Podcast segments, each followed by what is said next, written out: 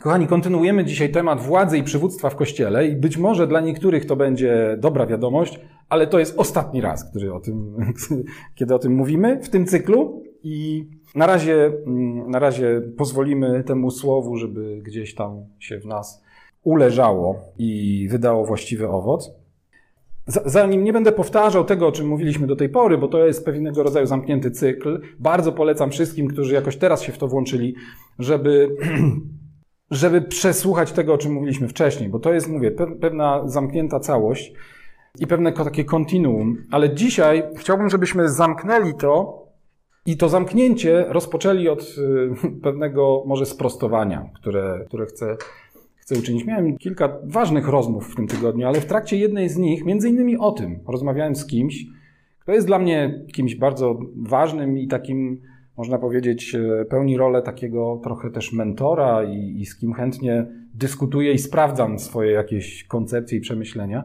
I zwrócił mi uwagę na jedną rzecz. Rozmawialiśmy o tym, o czym e, mówiłem wam, że jest pewien rodzaj przywództwa w kościele, dzisiaj, którego Bóg nie akceptuje i który nie jest jakby zawarty w pewnym modelu nowotestamentowym. To jest taki wzór, to jest taki model przywództwa kapłańskiego. Że dzisiaj Bóg nie akceptuje władzy kapłańskiej w kościele. I że znakiem tego, że władza kapłańska, czyli rozumiecie, kapłańska, czyli taka, że pośrednicząca, że skończyła się władza człowieka, który jest pośrednikiem między Bogiem a ludźmi. Człowieka, od którego zależy, czy inny człowiek będzie miał dostęp do Boga, czy nie. Że to się skończyło raz na zawsze. Po pierwsze, wtedy, kiedy Jezus umarł i pamiętamy, że zasłona świątyni rozdarła się od góry do dołu i dostęp do najświętszego miejsca najświętszego, świętego świętych, stał się otwarty dla wszystkich. I tak jakby było tego mało, ile tam, 40 około niecałe lat później, świątynia jerozolimska została zburzona. A więc zostało unicestwione miejsce składania ofiar. Miejsce, wiecie, ten, ten portal, można powiedzieć, dostępu do Boga został zniszczony. I można powiedzieć, dla jednych ludzi to był dramat, no bo teraz jak przebłagać Boga, gdzie złożyć ofiarę? Dla Boga jednak to nie był żaden problem. To było celowe działanie, do którego dopuścił i doprowadził po to, żeby właśnie teraz pokazać, że, tak jak, tak jak mówi Piotr, wy jesteście królewskim kapłaństwem. Wy jesteście narodem świętym. Wy, jako Kościół, jesteście kapłaństwem, czyli jesteście pośrednikiem, bo wiecie, nie ma innego pośrednika, pisze Paweł, jak ten, który jest, którym jest Jezus Chrystus. Nie ma innego pośrednika między Bogiem a ludźmi. Tak? I jednocześnie Piotr mówi: Wy jesteście królewskim kapłaństwem, czyli wy jako Kościół jesteście pośrednikiem dla świata, pomiędzy światem a Bogiem. I to jest jedyny rodzaj kapłaństwa, który dzisiaj obowiązuje. I trakcie tej rozmowy doszliśmy do e, też takiego wniosku, że musimy na to nałożyć pewną nakładkę. Dlatego, że każdy z nas, żaden człowiek, nie jest w swoim rozwoju i w swoim życiu z Bogiem, wiecie, od razu dojrzały. Nikt z nas nie rodzi się dorosły i tak samo nikt z nas nie rodzi się dorosły duchowo. W związku z tym musimy pamiętać, że kiedy będziemy rozmawiać z kimś i mówić, wiesz, dzisiaj nie ma kapłaństwa, dzisiaj nie ma pośrednictwa, to musimy pamiętać, że istnieje jednak coś takiego jak rodzicielstwo. Że istnieje duchowe rodzicielstwo. Wiecie, Jezus nawet musiał mieć kogoś, kto jako niemowlaka zaniósł go do świątyni żeby mogło zostać dopełnione całe prawo. Więc my, jak się rodziliśmy na nowo, też potrzebowaliśmy kogoś, kto nas zaniósł tam, gdzie trzeba. Kto nas zaniósł przed Boga i powiedział: Zobacz, to jest Twoje nowe baby. Zobacz. A Jezus mówił: Wow, ale ekstra. Przybywa mi dzieci. Potem ten ktoś zaniósł ci do domu, potem ten ktoś przyszedł i cię nakarmił. Wiesz, potem przyszedł znowu może ktoś inny, a może ten sam. I zachęcał Cię do tego, żebyś już na przykład przestał jeść mleko i zaczął próbować trochę bardziej stałego pokarmu. I tak dalej, i tak dalej. Więc musimy pamiętać, że nikt z ludzi nie limituje naszego dostępu do Boga, ale potrzebujemy siebie nawzajem bardzo, bardzo, właśnie po to, żeby dorastać, żeby rosnąć. Potrzebujemy duchowego rodzicielstwa, potrzebujemy duchowego ojcostwa.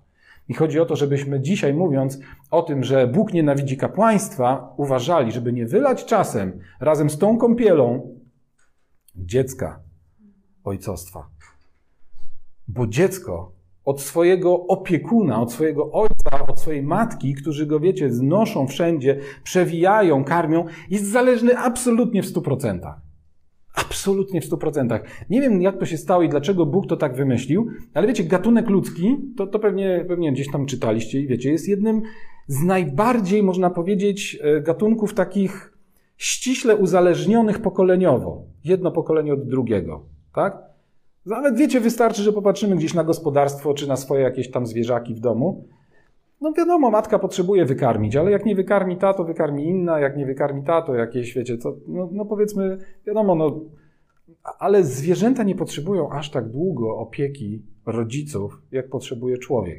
I dlatego też na tej linii rodzice dzieci tak wiele rzeczy często nieprawidłowych, niezdrowych, traumatycznych się dzieje. To nie jest nasz temat dzisiaj, ale chcę na to tylko Wam zwrócić uwagę, żebyśmy nie pogardzali ojcostwem i rodzicielstwem, które polega na tym, że dziecko jest całkowicie zależne od rodzica. Więc nawet można powiedzieć, taki rodzic niemowlaka jest dla niego nawet kimś więcej niż kapłanem. Bo to nie jest tylko ktoś, wiecie, kto po prostu limituje dostęp do Boga. Oczywiście, że mu limituje w pewien sposób. Więc rola takiego rodzica jest potężna. I pamiętajmy o tym, my, ze względu na to, że jest wielu, i to mówię z pełną odpowiedzialnością, jest wielu takich, którzy są przeznaczeni do zrodzenia przez nas. Nadal w świecie. Być może to jest rodzaj proroctwa, ale dlatego mówię to z całą odpowiedzialnością. Jest wiele osób tam na zewnątrz, którzy czekają na zrodzenie przez nas. I my nawet nie wiemy o tym, że jesteśmy w pewien sposób w ciąży z nimi. Z nimi w sensie z nimi, bo ich nosimy i oni są do urodzenia.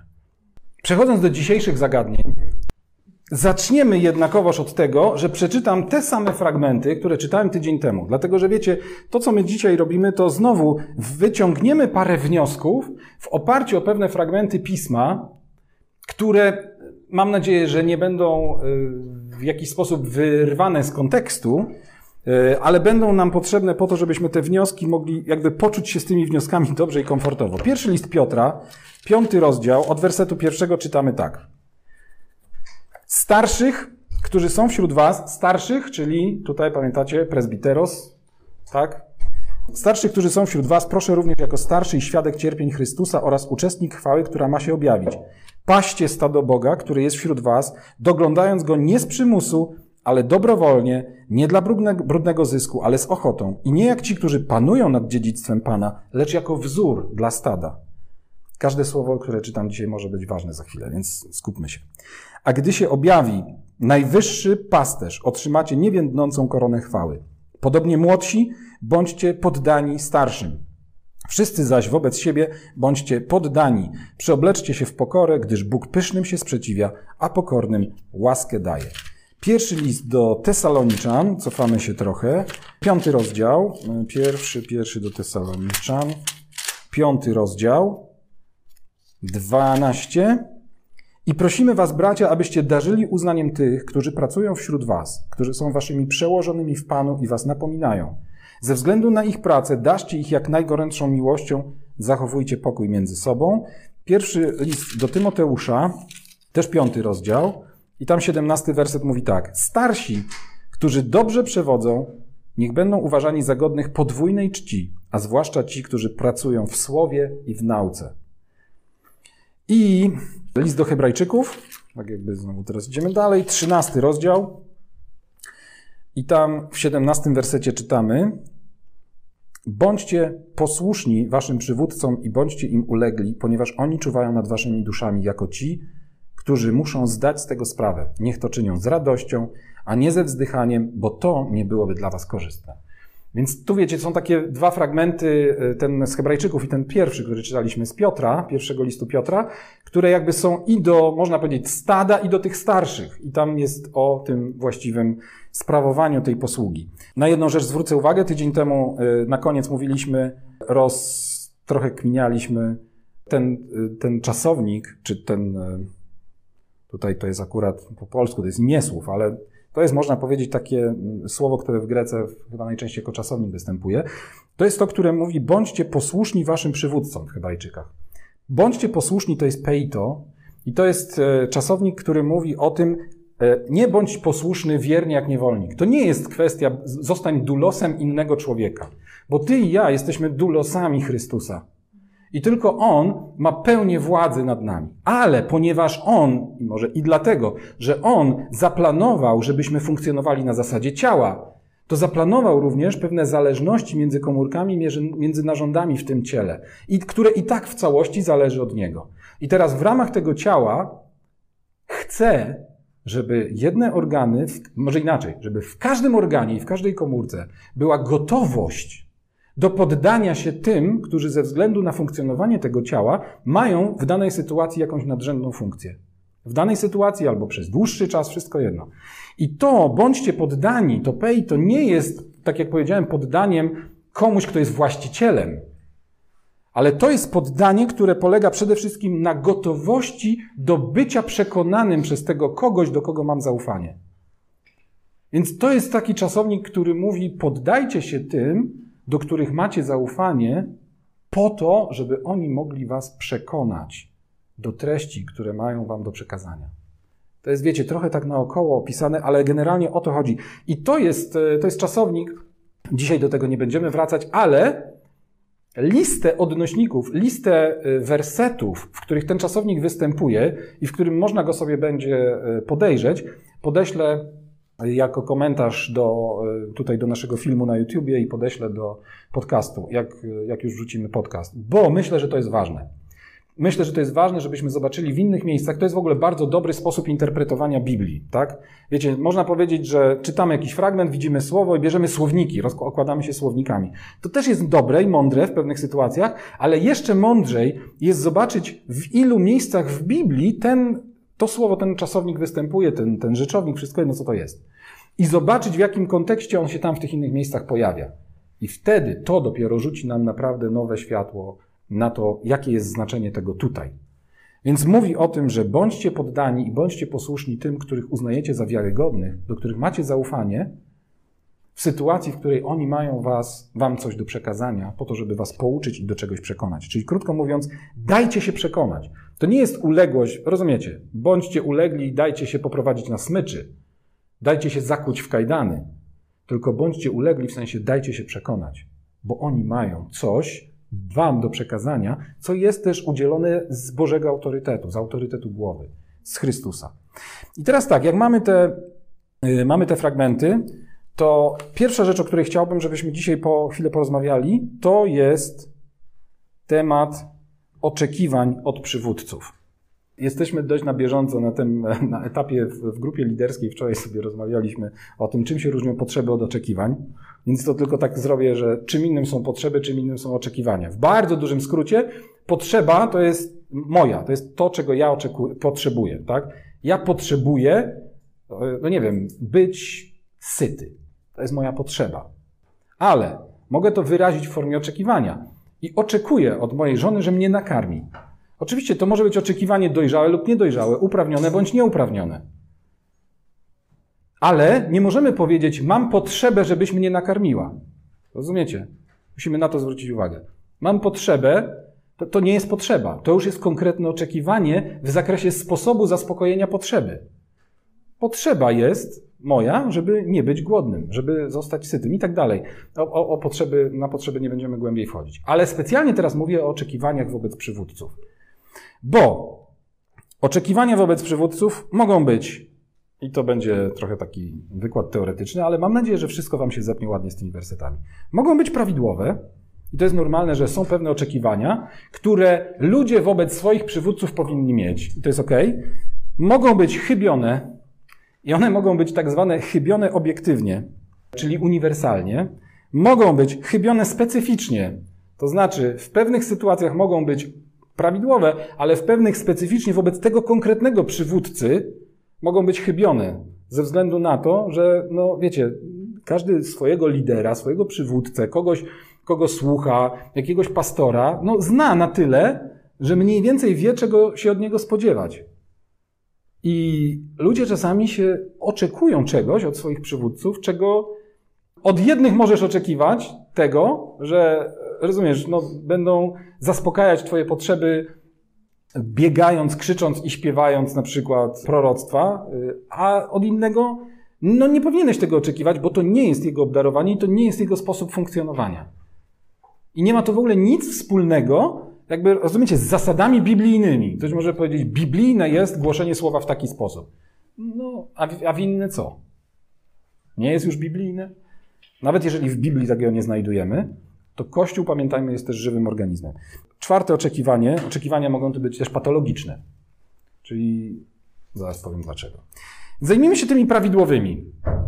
Więc jeżeli ktoś oczekuje od swojego przywódcy, starszego, jakiegoś pastora, że będzie go nauczał słowa, nawet jeżeli ten ktoś nie jest, wiecie, pamiętajmy o tym, że nie mówimy dzisiaj o jakichś darach służb, nie mówimy o pięciorakiej, trojakiej, siedmiorakiej czy jakiejś innej służbie, gdzie tam, nie wiem, jest napisane, że on, w sensie Jezus położył najpierw apostołów, tak, jako fundament, potem proroków, po trzecie, to, to akurat w liście do Efezjan, tak? Po trzecie ewangelistów, po czwarte pasterzy, po, po piąte nauczycieli. To, to jakby dla nas dzisiaj te służby, te obdarowania nie są tak istotne, jak to, że od kogoś, kto jest moim przewodnikiem, oczekujemy, że będzie nas nauczał słowa. I to jest w porządku. I to jest zdrowe oczekiwanie. Więc jeżeli się zastanawiasz e, dzisiaj, czy mój pastor to jest pastor dla mnie, czy mój lider to jest lider dla mnie, to popatrz, czy czerpiesz z jego nauczania, bo może czerpiesz z nauczania kogoś innego. I nie chodzi mi o to, że oczywiście nie należy słuchać innych nauczycieli, rozumiecie chyba, to jest jasne. No ale chodzi o to, że Twój przywódca powinien od czasu do czasu podać Ci posiłek, którym zostaniesz nakarmiony. Jeżeli się to nie dzieje, to zmień przywódcę. Po prostu. Poszukaj takiego, który cię karmi. I to będzie z korzyścią dla wszystkich. Dla wszystkich. A najbardziej dla całego ciała. Po drugie, od przywódców powinniśmy oczekiwać, że będą poddani Bogu i innym przywódcom w ciele. I to też jest bardzo ważne. Bo wiesz, no ja, ja, ja nie wyobrażam sobie, żebym powiedział komuś z ludzi, tak, ja chcę być Tobie poddany, ja będę słuchał, będę podążał za tym, co Ty mówisz, będę się Ciebie radził, będę oczekiwał od Ciebie mądrości, będę oczekiwał od Ciebie pomocy, wsparcia, kiedy nie będę wiedział, że to jest człowiek, który rzeczywiście chodzi z Bogiem. I bardzo rekomenduję każdemu, jeżeli ktoś nie ma takiego oczekiwania wobec swojego pastora, to żeby miał. I wiesz, to też nie jest jakieś bardzo trudne i skomplikowane, żeby go czasem zapytać, ale czy ten temat, czy ten, to zagadnienie w jakiś sposób przedyskutowałeś z Bogiem? Wiecie, to naprawdę ani ja się o to nie obrażę, ani myślę, że nikt z dojrzałych jakichś liderów też się o to nie obrazi, bo nie powinien. Jeżeli ktoś przyjdzie i powiedziałeś, powie mu tak, powiedziałeś to, to i tamto. Czy wiesz, możesz powiedzieć, gdzie to jest w Biblii? no to jakby ta rozmowa zejdzie na może niekoniecznie te teorię, o które ci chodzi. Ale możesz zapytać, czy to jest temat, czy to jest teza, czy to jest jakaś informacja, którą w jakiś sposób potwierdziłeś, czy przedyskutowałeś to z Bogiem. Co, co on ci powiedział na ten temat? Co Bóg na to mówi? Co on mówi na ten temat gdzie indziej, w innym kościele i tak dalej, i tak dalej. Poddanie Bogu i innym przywódcom. I teraz powiem wam, że nie wierzę do końca osobiście w to, że ktoś może być przywódcą, dobrym przywódcą w kościele, dobrze traktować innych ludzi, dobrze ich wyciągać z nich ich potencjał, dobrze ich prowadzić, dobrze za nich odpowiadać, dobrze im przydzielać zadania i potem ich z nich rozliczać, kiedy sam nie ma takiego doświadczenia funkcjonowania pod czyimś autorytetem, funkcjonowania pod czyjąś, w cudzysłowie, pod czyimś przewodnictwem, wręcz pod czyjąś władzą. Bo my oczywiście na użytek, wiecie, tego cyklu rozróżniliśmy władzę i przywództwo i z grubsza przyjęliśmy, że władza to jest to, co się należy Bogu, bo On jest właścicielem, więc sprawuje władzę. Tak? Ale żeby było jasne, Biblia w paru miejscach, i o tym mówiliśmy na pierwszym spotkaniu, mówi o sposobie sprawowania władzy ludzkiej w Kościele również.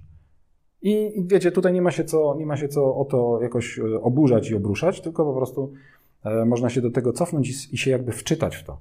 Więc krótko mówiąc, nie może sprawować dobrze przywództwa w kościele ktoś, kto sam nie jest podległy władzy, co bardzo wyraźnie powiedział Jezus, kiedy przyszedł do niego setnik. Pamiętacie? jak przyszedł do niego setnik, to, to, to była rozmowa, nam się wydaje, o uzdrowieniu. To była rozmowa, a tymczasem to była rozmowa właśnie o władzy. I powiedział do tego setnika rzymskiej, pogańskiej kohorty. Powiedział: Zobaczcie, takiej wiary to ja nawet w Izraelu nie znalazłem. Dlaczego? Bo powiedział: Nie ma zrozumienia wiary bez zrozumienia władzy, bez zrozumienia zależności i podległości. Ten gość zrozumiał to tak, że wy, wszyscy święci, możecie się od niego uczyć. A to jest poganin. Więc zobaczcie, o co tutaj chodzi. Po trzecie, czego należy oczekiwać od przywództwa, i to jest dobre oczekiwanie, prawidłowe, to jest do tego, to jest, to jest tego, że będzie wzorem i przykładem w życiu, pracy i służbie. Więc jeżeli patrzysz na swojego lidera, jakiegoś przywódcę, kogo uważasz za swojego przywódcę i myślisz sobie, no mądrze gada, no taki namaszczony jest, ale jakby przykładu to ja bym z niego nie chciał brać. To, to wiecie, to znaczy, że służysz jakiemuś faryzeuszowi. Dlatego, że dokładnie to samo Jezus powiedział do ludzi, do Żydów i powiedział: Tych gości, to słuchajcie, ale ich nie naśladujcie. Ale ich nie naśladujcie, bo mówią, ale sami nawet palcem nie tkną tego, co sami mówią. Więc zwracaj uwagę na to, czy ktoś, kto coś do ciebie mówi, czy ma w sobie skłonność i gotowość, i nie mówię o tym, że jest doskonały, bo za chwilę powiemy jak o nieuprawnionych oczekiwaniach, oczekiwaniu doskonałości od, od przywódcy. Ale zobacz, czy to jest ktoś, kto jako pierwszy zakasuje rękawy i bierze się za to, sam, co, co sam głosi. Czy to jest ktoś, kto w swoim życiu jest chociaż w jednym aspekcie dla ciebie pewnego rodzaju wzorem, którego mógłbyś naśladować. Zwróćcie uwagę, że Paweł mówił bardzo, mówił w kilku miejscach, no nie powiem, że bardzo często, bo to zawsze będzie dyskusyjne, w kilku miejscach mówił do tych, do których pisał, naśladujcie mnie. Naśladujcie mnie. Więc obyśmy wszyscy mieli takich przywódców, którzy mogliby tak powiedzieć do ludzi, którzy idą za nimi, naśladujcie mnie w tym, w tamtym i w tamtym. Bez pychy i bez arogancji. Po czwarte, czego powinniśmy oczekiwać od przywódców, to autentyczności. I to, jest, to ma oczywiście trochę związek z tym, co mówiłem wcześniej. Autentyczności rozumianej jako taka szczerość, jako pewnego rodzaju spójność. Że wiecie, że to jest ktoś, kto autentycznie jest chodzącym dowodem na to, że nie ma rozdziału między sakrum i profanum. Ja wiem, że o tym często jakoś ostatnio mówię i też na modlitwie do mnie to dotarło, ale słuchajcie, to jest, to jest właśnie to. Wiecie, ktoś może kogoś zapytać, no a czym się różni wasza religia? W cudzysłowie, no my się zaraz oburzamy, że jaka religia, my nie w ogóle nie mamy żadnej religii. E, no wiadomo, ale czym się różni religia od niereligii? No więc właśnie nasza re, niereligia różni się od religii tym, że religia bardzo precyzyjnie wytycza, to jest, to jest sakrum i tu musisz się odpowiednio zachowywać, tu musisz czytać, tu musisz ten, a potem idziesz tam i robisz, można powiedzieć, co chcesz. I starannie pilnujesz, żeby te dwa światy się za blisko dla siebie nie zbliżyły. Bo jak się zbliżą, to wróży dla ciebie kłopoty. Natomiast nasza tak zwana niereligia nie rozróżnia.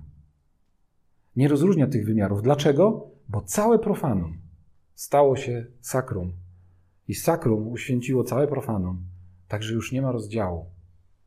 Także nie ma już czegoś, co mógłbyś zachować, przechomikować gdzieś dla siebie, i powiedzieć Bogu: No nie, ty tutaj to lepiej nie zaglądaj, lepiej nie przychodź. Wiecie, ludzie, którzy nie znają Boga, wstydzą się przed nim swojego stanu, wstydzą się swoich grzechów, wstydzą się swojego bałaganu, swojej ciemności. My nie mamy się czego wstydzić. Dlatego, że cały nasz bałagan, cały nasz brud, wszystkie syfy z naszego życia on wziął na siebie, a i znacznie nawet gorsze. Wziął na siebie i nic nie jest go w stanie zgorszyć ani zniesmaczyć. W związku z tym nie ma powodu, dla którego mielibyśmy nadal wyciągać jakieś profanum z tego całego naszego życia i zachowywać gdzieś tam tylko dla siebie. I ładnie się ubierać do kościoła, a w domu chodzić w łachmanach. Po piąte, czego powinniśmy oczekiwać od przywódców, to tego, że w ramach tego, jak zarządzają jakimś obszarem, jakąś częścią ciała, będą zlecać pracę i wyznaczać zadania. I tego to oczywiście oni powinni umieć robić, ale tego również ludzie od nich powinni oczekiwać. Więc to jest, wiecie, proces dwustronny. Dlatego, że jeżeli ktoś jest przywódcą, który całkiem dobrze to rozumie, tak? Ale ma grupę ludzi, których prowadzi, i ta grupa ludzi jest święcie przekonana wyłącznie o tym, że oni przyjmują zlecenia i zadania od samego Pana. I tylko Duch Święty będzie im rozkazywał, co mają robić. To teraz, wiecie, między nimi no nie ma za bardzo połączenia bezpośredniego. Możemy powiedzieć, dobra, będzie pośrednie w końcu to ten sam Duch Święty, ale wyobraźmy sobie, jak będzie sprawnie działało ciało, w którym jego jakiś przywódca, starszy czy pastor, będzie po prostu spędzał godziny w komorze na kolanach, prosząc Boga, żeby przekonał tych ludzi w nadprzyrodzony sposób, żeby oni zrobili coś, co on wydaje się, że jemu, że, że jest dobre dla tego ciała, dla tej trzody. No, wiecie, on będzie rozliczany przez Boga, jak funkcjonował, jak zarządzał tą trzodą. Więc potrzebuje trzody, w cudzysłowie, która rozumie, że powinna oczekiwać od niego, że to on im powie, co mają robić w pewnych sytuacjach organizacyjnie. Bo też nie chodzi o to, że potrzebuje przywódcy, który mu powie, dzisiaj powinieneś się modlić dwie godziny, a jutro możesz się modlić godzinę, a teraz zróbmy rozpiskę na cały kolejny miesiąc. Żaden przywódca nie będzie robił takiej rozpiski, bo nie w tym obszarze jest jego odpowiedzialność. Ale w obszarze, kiedy się gromadzimy, co robimy razem, komu coś kupujemy, gdzie jedziemy, żeby coś zrobić, jaką akcję, nie wiem, jakąś misyjną, ewangelizacyjną podejmujemy, czy nie podejmujemy, to wiecie, to jest ten obszar zadań, który dotyczy wspólnoty, w którym absolutnie powinniśmy oczekiwać, że on będzie prowadził i wytyczał zadania. I to jest również cecha której to jest, to jest cecha dobrego przywódcy. Jeżeli potrzebujesz lepszego, bo masz takiego, który tego nie robi, to znajdź lepszego, który to robi. Po szóste, powinni oczekiwać, to będzie ostatni taki punkt, na który zwrócę uwagę, to powinni ludzie oczekiwać od przywódcy rozwijania ludzi do samodzielności.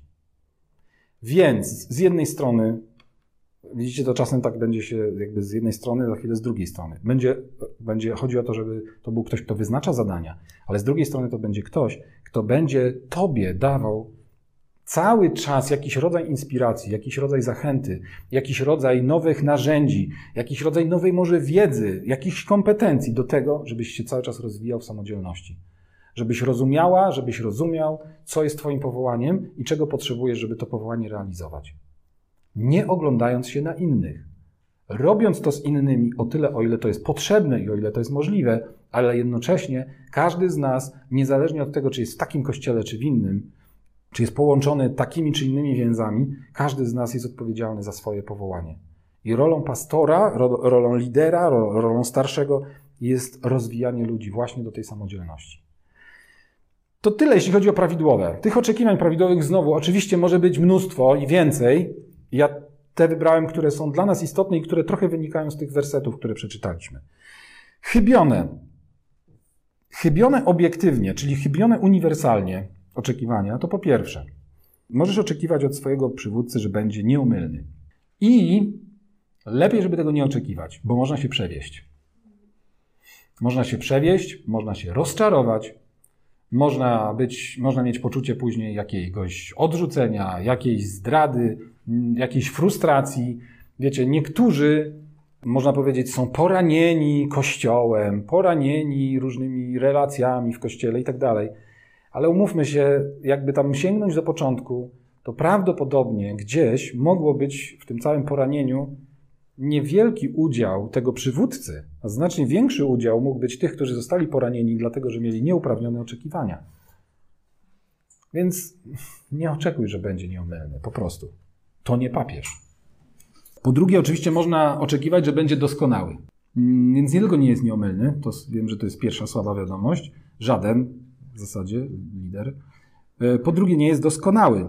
Więc z jednej strony Dobrze, żeby to był ktoś, z kogo możesz brać przykład w jednych obszarach życia, albo najlepiej we wszystkich, ale z drugiej strony nie należy się spodziewać i nakładać na niego jakichś nie, właśnie oczekiwań i więzów, że będzie doskonały, pomimo że powinien starać się być doskonały. Rozumiecie? Kościół jest miejscem, w którym z jednej strony powinniśmy sobie nawzajem komunikować pewnego rodzaju właśnie oczekiwania, a z drugiej strony sprawiać, przestrzeń do tego, żeby popełniać błędy, żeby próbować różnych rzeczy, żeby w bezpieczny sposób, wiecie, testować różne rozwiązania. I ja nie mówię o tym, że ktoś, wiecie, popełnił błąd, też chodzi o taką doskonałość, bo, bo doskonałość się jakby kojarzy z niepopełnianiem błędów. Więc nie chodzi o to, że ktoś po prostu strasznie zgrzeszył i, no nie wiem, próbował różnych rozwiązań i po prostu nagle, no nie wiem, zdradził żonę, albo tak się po prostu jakoś niechcący zabił swojego brata, albo wiesz, no, no tak się zdarzyło, no to taki błąd. No. no na kogoś takiego naprawdę trzeba uważać. Ale jeżeli ktoś próbował coś zrobić i to się okazało porażką, jakiś projekt, wymyślił jakąś akcję, nie wiem, zorganizował wszystko, zaangażował ludzi, zrobili zbiórkę, wydali pieniądze i wszystko w piach, to wiecie, nie ma co też wtedy przeduchawiać i powiedzieć, a pan to nawet z kamieni wzbudzi dzieci i po prostu. No, no gdyby tak mieliśmy, gdybyśmy takie mieli mieć podejście, to należało nic nie robić, bo byśmy po prostu nie wydali tych pieniędzy i można było je rozdać ubogim, a nie wydawać na jakieś durne projekty, głupie pomysły jakiegoś pastora. Więc chodzi o to, żeby to wszystko ważyć, żeby to wszystko rozpoznawać. Ale dawać przestrzeń do popełniania błędów i uczyć się na tych błędach. Po trzecie, chybionym obiektywnie również oczekiwaniem uniwersalnie jest to, że przywódca będzie posłuszny swojej kongregacji. Że będzie spełniał oczekiwania i zachcianki, można powiedzieć, tych ludzi, których prowadzi. Czyli wiecie, że jakby przyjdzie i w każdej sprawie, w której będzie coś do zdecydowania, będzie, nie wiem, robił głosowanie, albo będzie generalnie wprowadzał demokratyczny ustrój w jakiejś wspólnocie. No to tak nie zadziała. Bo można powiedzieć, nie od wspólnoty, pomimo że być może komuś się teraz przypomni, a my wiemy, że niektóre kościoły tak funkcjonują. Niektóre kościoły to w ogóle robią wybory na pastora. No robią, no po prostu tak funkcjonują. I wiecie, naprawdę nic nam do tego, w jaki sposób Bóg obsadza tam pastora. Nawet, nawet, uwaga, może się mylą. I to jest, wiecie, to jest ich sprawa. To jest ich sprawa. My patrzmy na siebie i ja, ja osobiście, no jakby, wiecie, nie wnikając w takie historie, ale patrząc na nasze warunki, na naszą sytuację, nie bardzo sobie wyobrażam, żeby miało to w ten sposób działać, bo nie tak działa władza w królestwie. Nie tak działa przekazywanie władzy i nie tak działa przekazywanie odpowiedzialności. Więc Oczywiście do wielu różnych sytuacji, do wielu różnych też jakby właśnie patologii może dojść na tej, na tej e, osi, no dlatego, że, no nie wiem, pastor może być zależny finansowo, swoim życiem, swoim życiem swojej rodziny, może być zależny finansowo od, od wspólnoty, od kościoła, mniejszej czy większej, prawda? No i wtedy jest naturalne, że wydaje się, że no powinien, ludziom może się wydawać, tak, że powinien no w jakiś sposób tutaj, no, no rozumiecie, no, no, no my płacimy, tak, no, skoro płacę, to wymagam, nie? Więc widzicie, do jakich, do jakich nawet nienazwanych różnego rodzaju patologii może dojść, kiedy te tematy są niepoukładane. Ale znam też wiele dobrze funkcjonujących kościołów, które mają kilkadziesiąt, sto czy dwieście osób, w których całe życie zawodowe pastora skupia się właśnie na tym kościele. On od tego kościoła dostaje pieniądze, dostaje wypłaty, bo oni tak uznali i chcą mu płacić, i on te pieniądze bierze i na tej podstawie żyje, a wszystko działa zdrowo. Dobrze. Ale wiecie, to znaczy, to znaczy, że on jest dojrzały i to znaczy, że oni są dojrzali i umieją te rzeczy poukładać. I oni też rozumieją, że to nie jest tak, że oni sobie zatrudniają pastora, który ma gadać to, co im ucho łechce. Tylko oni dają pieniądze tam, skąd płynie do nich życie. Dają, nie zawiązują ust młócącemu wołowi. Rozumiecie? Przed chwilą czytaliśmy. Tym, którzy dobrze sprawują swój urząd, należna jest podwójna cześć, zwłaszcza tym, którzy pracują w słowie i nauce.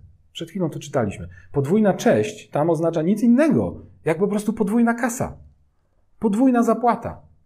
Więc, naprawdę abstrahuję od naszej sytuacji, tam mówi Paweł wprost: nie szczęście premii tym, którzy dobrze robią to, co robią.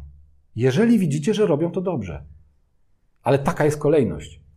A nie przychodzi ten i pyta: Ty, powiedz mi, co ja mam dzisiaj powiedzieć, bo potrzebuję premii. Rozumiecie? Naprawdę drobna różnica, a wywraca wszystko w ogóle do góry nogami.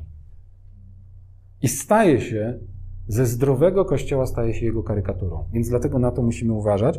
I dlatego w ogóle o tym temacie, wiecie, mówimy, o, o, temacie przywództwa. Bo tu, jak my to rozumiemy, jak rozumieją to przywódcy, liderzy i jak ludzie, którzy im podlegają, a potem za chwilę na przykład sami się stają liderami, od tego tematu, jak to wszystko dobrze rozumiemy, zależy zdrowie tej struktury, zdrowie tej organizacji, zdrowie tego organizmu, tej części organizmu. Ale jest też czwarty aspekt tego chybienia obiektywnego, to jest bycie niezależnym od ludzi. I ludzie mogą mieć oczekiwania, jakiś pastor nad nim, nie wiem, tam jakiś prezbiter, ktoś, albo ludzie w kościele też, mogą powiedzieć po prostu, to jest jakiś miękiszon, bo on cały czas się ludzi pyta, bo on cały czas nie jest w stanie sam nic zdecydować. I to jest również sytuacja, która jest patologiczna, dlatego że nie można oczekiwać od przywódcy, że będzie niezależny od ludzi, że będzie tyranem, że będzie dyktatorem, bo to nie jest dyktatura. Bóg nie, nie zatrudnił żadnych sobie, wiecie, jakichś prezbiterów, czy jakichś starszych, czy kogoś, po to, żeby byli dyktatorami w jego kościele, tylko żeby byli przywódcami. Jak pisze Piotr, nie żeby byli dyktatorami, tylko żeby byli kim? Jeżeli przywódcy, to przewodzą przez przykład. Czyli mają być wzorem dla trzody. Mają pokazywać, oprócz tego, że mówić, nauczać, to pokazywać, jak się rzeczy robi, jak należy prowadzić życie, a nie być dyktatorami w życiu innych ludzi. Więc jeżeli ktoś oczekuje od pasterza, przywódcy, kogoś, jakkolwiek go nazwiemy, prezbitera, biskupa, że będzie dyktatorem, to to jest chybione oczekiwanie. Bo nie powinien być powinien we wszystkim, co robi, brać pod uwagę to, co, jak, jak, jak, kogo ma do, z kim ma do czynienia, jakich, jakich ludzi dostał, w jaki sposób z nimi powinien rozmawiać, w jaki sposób ich prowadzić, jak widzieć ich potrzeby. Myślę, że nie trzeba tego rozwijać. Oczekiwania, i to będzie trzeci e, większy punkt. Cały czas jesteśmy w oczekiwaniach od przywódców. Oczekiwania mogą być chybione specyficznie, to, to jest to, co mówiłem, bo mogą być niezgodne z talentami, z predyspozycjami pastora, lidera, nie wiem, starszego jakiegoś prezbitera, biskupa i tak dalej. Celowo tak używam wymiennie tego, bo wiecie, starszy i biskup to są de facto słowa wymienne. Lider to jest najczęściej, ja mówię liderzy, najczęściej lider w naszym rozumieniu dzisiaj to jest odpowiednik tego, co, co, co Paweł nazywa e, diakonem. Tak? Czyli to są ludzie odpowiedzialni za pewne wyszczególnione obszary funkcjonowania wspólnoty, kościoła itd. Tak Mogą być chybione specyficznie, bo po prostu ktoś, wiecie, to jest na takiej zasadzie. Wspólnota może powiedzieć, my takiego po prostu jakiegoś niedorajdę finansowego mamy. Bo, bo nie potrafi w ogóle, tu kasy tyle wszyscy dają, a wiecznie pusto i nie ma. No bo się wziął i ulitował, i tam rozdał, i tam dał, i tam przeznaczył na coś, i, i wiecie, i a jeszcze nie poinformował. Wszystko dobrze jest, nic nie nakradł, nic nie zdefraudował, ale jakoś wszyscy mają wrażenie, że wiecznie nie ma. Na przykład. I można powiedzieć, on się nie nadaje na pastora. A można powiedzieć, ej chłopie, robiłeś sobie może galupa? Jak nie robiłeś, czy, czy, czy inny tam test, to może byś zrobił. Bo zobaczmy, gdzie są twoje obdarowania. Zobaczmy, gdzie są Twoje główne kompetencje, gdzie są Twoje talenty, z których my ewentualnie możemy czerpać i trochę, trochę Cię rozliczać. Czyli krótko mówiąc, mieć oczekiwania od Ciebie. I wychodzi talent, nie pamiętam, który tam akurat a propos finansów się nadaje, no ale powiedzmy, że jakiś taki, taki, taka gospodarność wychodzi na tam 31 zaszczytnym miejscu z wszystkich 34. No i, i co to znaczy? To nie znaczy, że on się nie nadaje. Tylko to oznacza, że on potrzebuje pomocnika. Jesteśmy w ciele, tak? I w ciele, w którym chcemy, żeby ktoś sprawował dobrze swoją posługę, a w jakimś obszarze po prostu nie ma zasobów. Albo po prostu no nie ma, wiecie, bo, bo to nie znaczy, że, jest, że nie umie liczyć, rozumiecie? Tylko to oznacza, że on nie przykłada do tego wagi, że to nie jest dla niego istotne, że nie rozumie tego, że na czym polega funkcjonowanie w pewnych talentach. Polega właśnie na tym, że kiedy do, do, dotykamy jakiejś sprawy, to my automatycznie uruchamiamy pewien sposób reagowania, pewien sposób funkcjonowania i sposób myślenia. I są ludzie, którzy na każdą sprawę popatrzą przez pryzmat pieniędzy. I to mogą być wierzący nawet. Słowo daje. I to będą wierzący, którzy są skarbem we wspólnocie. I też trzeba umieć ich nie odrzucić i powiedzieć, to jest po prostu podły materialista i grzesznik. A na pewno chciwiec. I w ogóle złodziej. No i pijak, wiadomo. Bo jak pijak, to złodziej. A nie, a to jest po prostu ktoś obdarowany, który jest darem dla wspólnoty, żeby być jakimś takim ministrem finansów, skarbnikiem po prostu. I może być jedynym, który w ogóle tak naprawdę się w ogóle na tym zna. I trzeba umieć go rozpoznać i włączyć go, a nie. I tak samo może być właśnie z pastorem. Nie wiem, dlaczego tych pieniędzy się jakoś tak czepiłem, ale no, rozumiecie, w każdym innym obszarze może być tak samo. Więc chodzi o to, żeby oczekiwać tych rzeczy, których powinniśmy oczekiwać, a tych, których nie powinniśmy, to rozpoznajmy to, nie oczekujmy, ale to nie znaczy, że możemy też łatwo wtedy powiedzieć, dobra, no taka już taka nasza wspólnota, jaki pastor, taka wspólnota. No na szczęście nie. Bo taka wspólnota, jaka wspólnota. Tak? I to jest, i to jest piękne. I drugie, i ostatnie z tych oczekiwań wobec przywódców, one mogą być patologiczne. Mogą być oczekiwania naprawdę patologiczne, czyli można powiedzieć takie chybione uniwersalnie zawsze, ale nie tylko chybione. Patologiczne w takim sensie mówię, że one oprócz tego, że są nieprawidłowe, to też wskazują na pewną nieprawidłowość w tych, którzy je mają, te oczekiwania, ale taką nieprawidłowość, że należałoby się nią zająć. Więc nieprawidłowe, patologiczne oczekiwania wobec przywódców są zawsze wskaźnikiem do tego, że należy się nimi zająć. Więc jeżeli przywódca takie oczekiwania zobaczy, to też jego odpowiedzialnością jest nie pozostawić tego samemu sobie. Bo jeżeli ktoś ma tylko, wiecie, nieprawidłowe oczekiwania, no to dobra, no trudno, to się najwyżej rozczaruje. Ale jeżeli one są patologiczne, to znaczy, że one wskazują na pewien proces, który się toczy i w który należy zaingerować. Co mam na myśli? Mam na myśli wtedy, kiedy na przykład ktoś oczekuje, że przywódca, jakiś właśnie lider e, grupy czy, czy pastor będzie po prostu zaspokajał czyjeś potrzeby emocjonalne.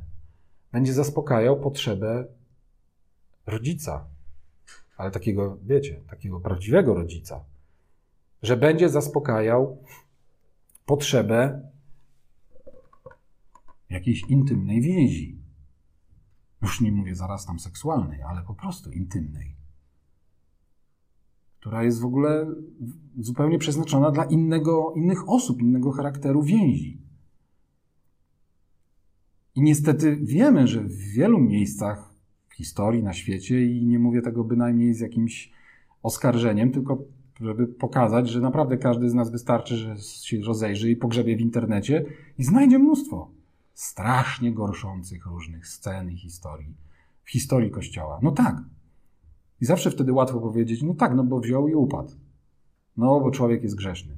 No, bo nie zweryfikowali pastora. No, bo nie zastosowali tego, co Paweł pisał do Tymoteusza. Jaki powinien być biskup?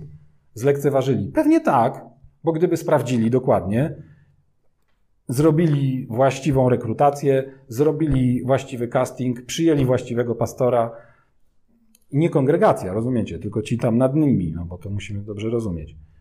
To wybraliby właściwego człowieka, ale oczywiście nawet właściwy człowiek, czyli ten, który dobrze zarządza swoim domem, który nie jest pijakiem, który nie jest chciwy brudnego zysku i tak dalej, tak dalej. Pamiętamy te wszystkie kryteria, może w którymś momencie pobłądzić. Może mu się coś w głowie pomieszać. Nagle może mu się coś zmienić. Ale tak czy inaczej, w każdej sytuacji oczekiwanie od pastora, że będzie wypełniał deficyty innych ról, będzie oczekiwaniem patologicznym.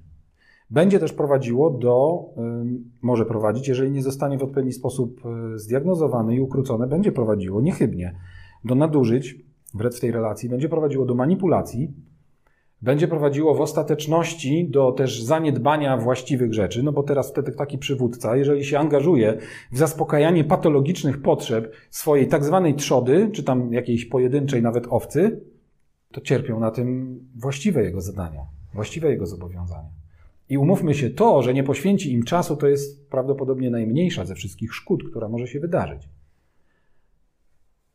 Dlatego to jest tak bardzo ważne i chcę powiedzieć, że naprawdę wszyscy są za to odpowiedzialni, bo to ja tak mówię, że okej, okay, no to teraz jakiś tam pastor czy lider jest odpowiedzialny za to, żeby rozpoznawać patologiczne potrzeby swojej kongregacji. No nie, oczywiście on też, ale wszyscy są odpowiedzialni. Każdy jest odpowiedzialny za siebie i każdy jest odpowiedzialny za brata i siostrę. I naprawdę nie jest y, odpowiedzialność, poza tym, że jest bardziej widoczna, to nie jest odpowiedzialność jakiegoś pastora czy biskupa większa za ujawnienie, wyciągnięcie na światło i za, wiecie, zaadresowanie i stanięcie twarzą w twarz z tym problemem, niż wszystkich innych w kościele. Więc jeżeli, wiecie, trafi się wam kiedyś być w takim miejscu, czego nikomu nie życzę, sobie również, że będziecie po prostu widzieć, że jesteście w jakimś układzie. Jest jakiś gość, czy jakaś gościuwa, no wszystko jedno. To jest w jakimś przywództwie. I ktoś ma nieprawidłowe oczekiwania, naprawdę patologiczne wobec tej osoby, a ta osoba nie widzi tego, albo idzie w jakąś dziwną gierkę i zaczyna w takie, w takie, w takie rzeczy mm, wchodzić, to naprawdę każdy z nas jest odpowiedzialny, żeby wtedy zainterweniować. I naprawdę drugorzędną rzeczą jest jak. Oczywiście trzeba to zrobić z wyczuciem, z miłością, dyskretnie. Wiadomo, stosując wszystkie zasady, które tu mamy. Bo znowu najgorszą rzeczą jest wtedy to, co możemy zrobić, to ujawnić cudzy grzech. No, wiecie. Nie to jest naszym zadaniem. Więc na to na końcu, jeśli chodzi o te oczekiwania, chciałem zwrócić uwagę, bo naprawdę może tak być. I ponieważ Kościół operuje na pewnej, wiecie, styku tych wszystkich trzech wymiarów życia człowieka, operuje w życiu duchowym, i to może dla kogoś będzie zaskoczeniem, ale nie tylko duchowym. Operuje w życiu duszewnym bardzo mocno, bardzo silnie. Jeżeli popatrzycie, wiecie, w naszym życiu osobistym, duchowym, to wymiar duchowy powinien być na pierwszym miejscu i on powinien być najsilniej eksploatowany. Ale najczęściej, kiedy patrzymy na nasze życie w wymiarze kościelnym, to już ten aspekt duszy, on najczęściej jest dominujący, bo to są interakcje, bo to jest myślenie o innych ludziach, bo to jest odczuwanie tego, co inni względem mnie robią, mówią, to jest odczuwanie tego, co ja czuję względem innych ludzi, co ja powinienem im powiedzieć, co powinienem wobec nich zrobić, z kim się zaangażować, z kim się nie zaangażować. To wszystko jest wymiar duszy. Nie mówiąc już o tym, o pewnej wyobraźni, której używamy do tego, żeby sobie wyobrazić, co inni do nas mówią albo jak nas traktują, nawet jeśli tego nie ma, albo pamięci. Bardzo chętnie pamiętamy pewne rzeczy, które inni nam powiedzieli albo wobec nas zrobili, a innych nie. I to wszystko jest wymiar duszy. Nie mówiąc o obszarze woli i tak dalej. Również w wymiarze ciała. No ale to, to, jest, to jest jasne. I na koniec szybkie cztery punkty o owocach dobrego przywództwa. Po pierwsze, owocem dobrego i zdrowego przywództwa powinna być w danej grupie ludzi, w której taki przywódca funkcjonuje, zdrowa nauka. Zdrowa nauka będzie oznaczała dobry fundament, będzie oznaczała różnorodność i gotowość na, e, nie chcę powiedzieć na tolerowanie, e, ale na takie akceptowanie różnorodności. Bo, bo, bo wiecie o co chodzi. Chodzi o to, że w rzeczach fundamentalnych, naprawdę fundamentalnych, powinniśmy mieć jedność. Ale w rzeczach drugorzędnych, i to nawet takich, których przykłady jakiejś formy działania znajdujemy w Biblii, ale powinniśmy umieć wyczytać też w Biblii, co jest zasadą fundamentalną i co jest niezmienialne, a co jest zasadą na przykład kulturową, albo co jest zasadą jakąś środowiskową, co jest zasadą czasową, co jest zasadą kościoła tamtego czasu, a co jest zasadą kościoła dzisiaj, pomimo że to jest ten sam kościół. To jednak pewne rzeczy na tyle się zmieniają, albo właśnie jakoś geograficznie, albo osobowościowo, że różnorodność jest nie tylko, wiecie, tolerowalna czy akceptowalna, ale wręcz pożądana. I tego powinniśmy oczekiwać również między nami. A nad, nad wszystkim to tak, tak się mówi. W rzeczach podstawowych jedność, w rzeczach drugorzędnych właśnie elastyczność, a nad wszystkim miłość. Więc owocem zdrowego przywództwa będzie miłość między ludźmi. Jak to ma się odbywać, to już jest oczywiście inna historia, ale mówimy o miłości jako owocu. Czyli jeżeli mamy rozpoznawać po owocach, to chodzi mi teraz o to, żebyśmy popatrzyli, czego się spodziewać, jeżeli przywództwo, o którym myślimy, jest rzeczywiście zdrowe. Po drugie, powinniśmy się spodziewać zdrowych relacji. Zdrowych, to też od razu powiem, nie, nie zawsze oznacza łatwych i nie zawsze oznacza tego niektórzy by chcieli, takich powierzchownych. Niektórzy ludzie tak bardzo nie lubią różnego rodzaju konfliktów, trudnych dyskusji, że są gotowi za wszelką cenę tego unikać, a już zwłaszcza w kościele. I niektórym się w ogóle w głowie nie mieści, że w kościele może być konflikt. I mają nieprawidłowe oczekiwanie, że we wszystkim w kościele ma być absolutna jedność. No nie. No nie. I nawet może powiem tak, lepiej, żeby czasem nie. Po trzecie, Owocem dobrego przywództwa będzie umacnianie wypełniania powołania i wybrania pojedynczych wiernych. Jeżeli jest zdrowe przywództwo, to ludzie po prostu rosną w poczuciu własnego, własnej, własnego powołania i wybrania. To jest dokładnie to, co czytamy w Nowym Testamencie. Umocnijcie wasze powołanie i wybranie. I za to jest odpowiedzialny każdy z nas osobiście, ale jest to tym łatwiej, jest to tym efektywniejsze, im lepsza atmosfera panuje w miejscu, w którym no właśnie jest zdrowe przywództwo. I po czwarte, owocem dobrego przywództwa będzie właśnie zrozumienie tego, o czym powiedziałem wcześniej, czyli trochę jakby wyprzedziłem ten wniosek.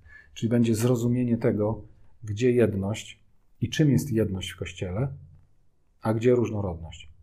Naprawdę musimy to rozumieć, bo jest wiele takich miejsc, w których zostały całkiem dobre inicjatywy i całkiem, całkiem, wiecie, obiecujące, można tak powiedzieć, wspólnoty czy kościoły. Zagrzebane albo gdzieś y, uwięzione po prostu w jakimś dreptaniu w miejscu, właśnie tylko dlatego, że ktoś gdzieś tego nie rozumiał i na przykład, nie wiem, czekał na to, że we wszystkim będzie jedność, zawsze i wszędzie. I po prostu jak się różnimy, to nie wiem, w jakiejś drugorzędnej albo trzeciorzędnej kwestii i jak nam e, nie pasuje, nie wiem, styl muzyki albo kolor krzeseł, to nie, to już po prostu albo w ogóle, że są krzesła, albo że nie ma krzeseł, albo że mamy pomieszczenia, albo że nie mamy pomieszczenia, e, albo ktoś wierzy, że Kościół powinien kupić salę a ktoś inny wierzy w Kościół w Nowym Testamencie. Nie czytamy nigdzie, że kupował salę, więc nie wolno kupować sal. Rozumiecie? To, że się naprawdę różnimy w podejściu do różnych kwestii, i to, to bym chciał też powiedzieć jako taki wniosek dla nas, dla nas jako dla nas, dla, dla Kościoła, dla wspólnoty. Naprawdę pamiętajmy o tym, że nie ma nic złego w tym, że rozmawiamy ze sobą i szukamy najlepszych rozwiązań i że się różnimy. I też nie ma to nic wspólnego z demokracją, w sensie, wiecie, odpowiedzialności. Bo umówmy się, odpowiedzialność i tak jest po stronie tego, tego biskupa, tego przywódcy, tego starszego pastora, i tak on będzie przede wszystkim rozliczany. Ale tym lepsza to będzie decyzja, im on więcej rzeczy weźmie pod uwagę i im więcej tych możliwości będzie. Ja też nie mówię o tym, żeby bez przerwy wszyscy się wykłócali właśnie o takie rzeczy jak, nie wiem, ma być kawa czy nie ma kawy. Ktoś przyniósł teologię, im mniej Ducha Świętego, tym więcej kawy potrzeba w kościele. Na przykład, nie? I, I po prostu spodobało mu się to, bo na przykład usłyszał to gdzieś, w którym skrytykowano konkretne miejsce, konkretny kościół, w którym może rzeczywiście tak było. Ale rozumiecie, to, to, jest, to jest też nasza dojrzałość. Nam czasem się coś skleja w głowie, dlatego, że i staje się pewnego rodzaju doktryną, dlatego, że było prawdą kiedyś w jakiejś konkretnej sytuacji. I skoro było raz prawdą, to znaczy, że już będzie prawdą zawsze. No nie. No nie. Musimy umieć naprawdę to zrozumieć, gdzie jest nam potrzebna jedność, bez której nie ruszymy w ogóle z miejsca i gdzie nie pójdziemy dalej. Ja nie mówię o tym, że w każdej sytuacji ma być zawsze różnorodność, no bo wiecie, nie może być też tak, że zrealizujemy jakiś projekt, albo jakieś zadanie, albo jakąś akcję, albo jakąś misję, kiedy nie będziemy się zgadzać, że to ma sens i że warto to zrobić tak, i że warto to zrobić wtedy, i że warto to zrobić z tym, a nie z tamtym. Musimy do pewnych rzeczy dojść, musimy się zgodzić. Ale chodzi o to, że Kościół będzie tym bardziej owocny i tym bardziej efektywny, kiedy właśnie będzie różnorodny w sposobach działania i kiedy wszyscy, którzy mają różne pomysły na osiągnięcie mniej więcej tych samych celów, będą mieli przestrzeń, odwagę i, i siłę do tego, żeby o tym mówić i żeby o tym rozmawiać. I żeby razem, jeżeli jest potrzebna jednak jedność, żeby też razem szukać tej jedności, i po prostu pytać Boga, może On ma jakieś zdanie na. To są owoce dobrego przywództwa. Kochani, doszliśmy do, do końca tego rozważania. Chciałbym podziękować wszystkim, którzy jakoś wytrwali w tym temacie. Wierzę, że będziemy do pewnych obszarów, zagadnień gdzieś tam wracać. Może, może za jakiś czas, nie wiem, te punkty może się tam gdzieś zmienią, może się jakoś rozszerzą. E, potraktujmy to jako taki temat żywy i otwarty. I tak jak powiedziałem, e, Notatki do poprzednich spotkań, do poprzednich kazań są wszystkie wrzucone pod podcastami, więc zachęcam, jeżeli ktoś e, sobie tylko z Facebooka na przykład chciałby obejrzeć, to żeby jednak sięgnął do podcastu Wszystko Jedno Gdzie, na wszystkich podcastowniach e, to, to jest. A do tego dzisiejszego też wrzucimy to na podcasty i też w komentarzu do, do dzisiejszego filmu.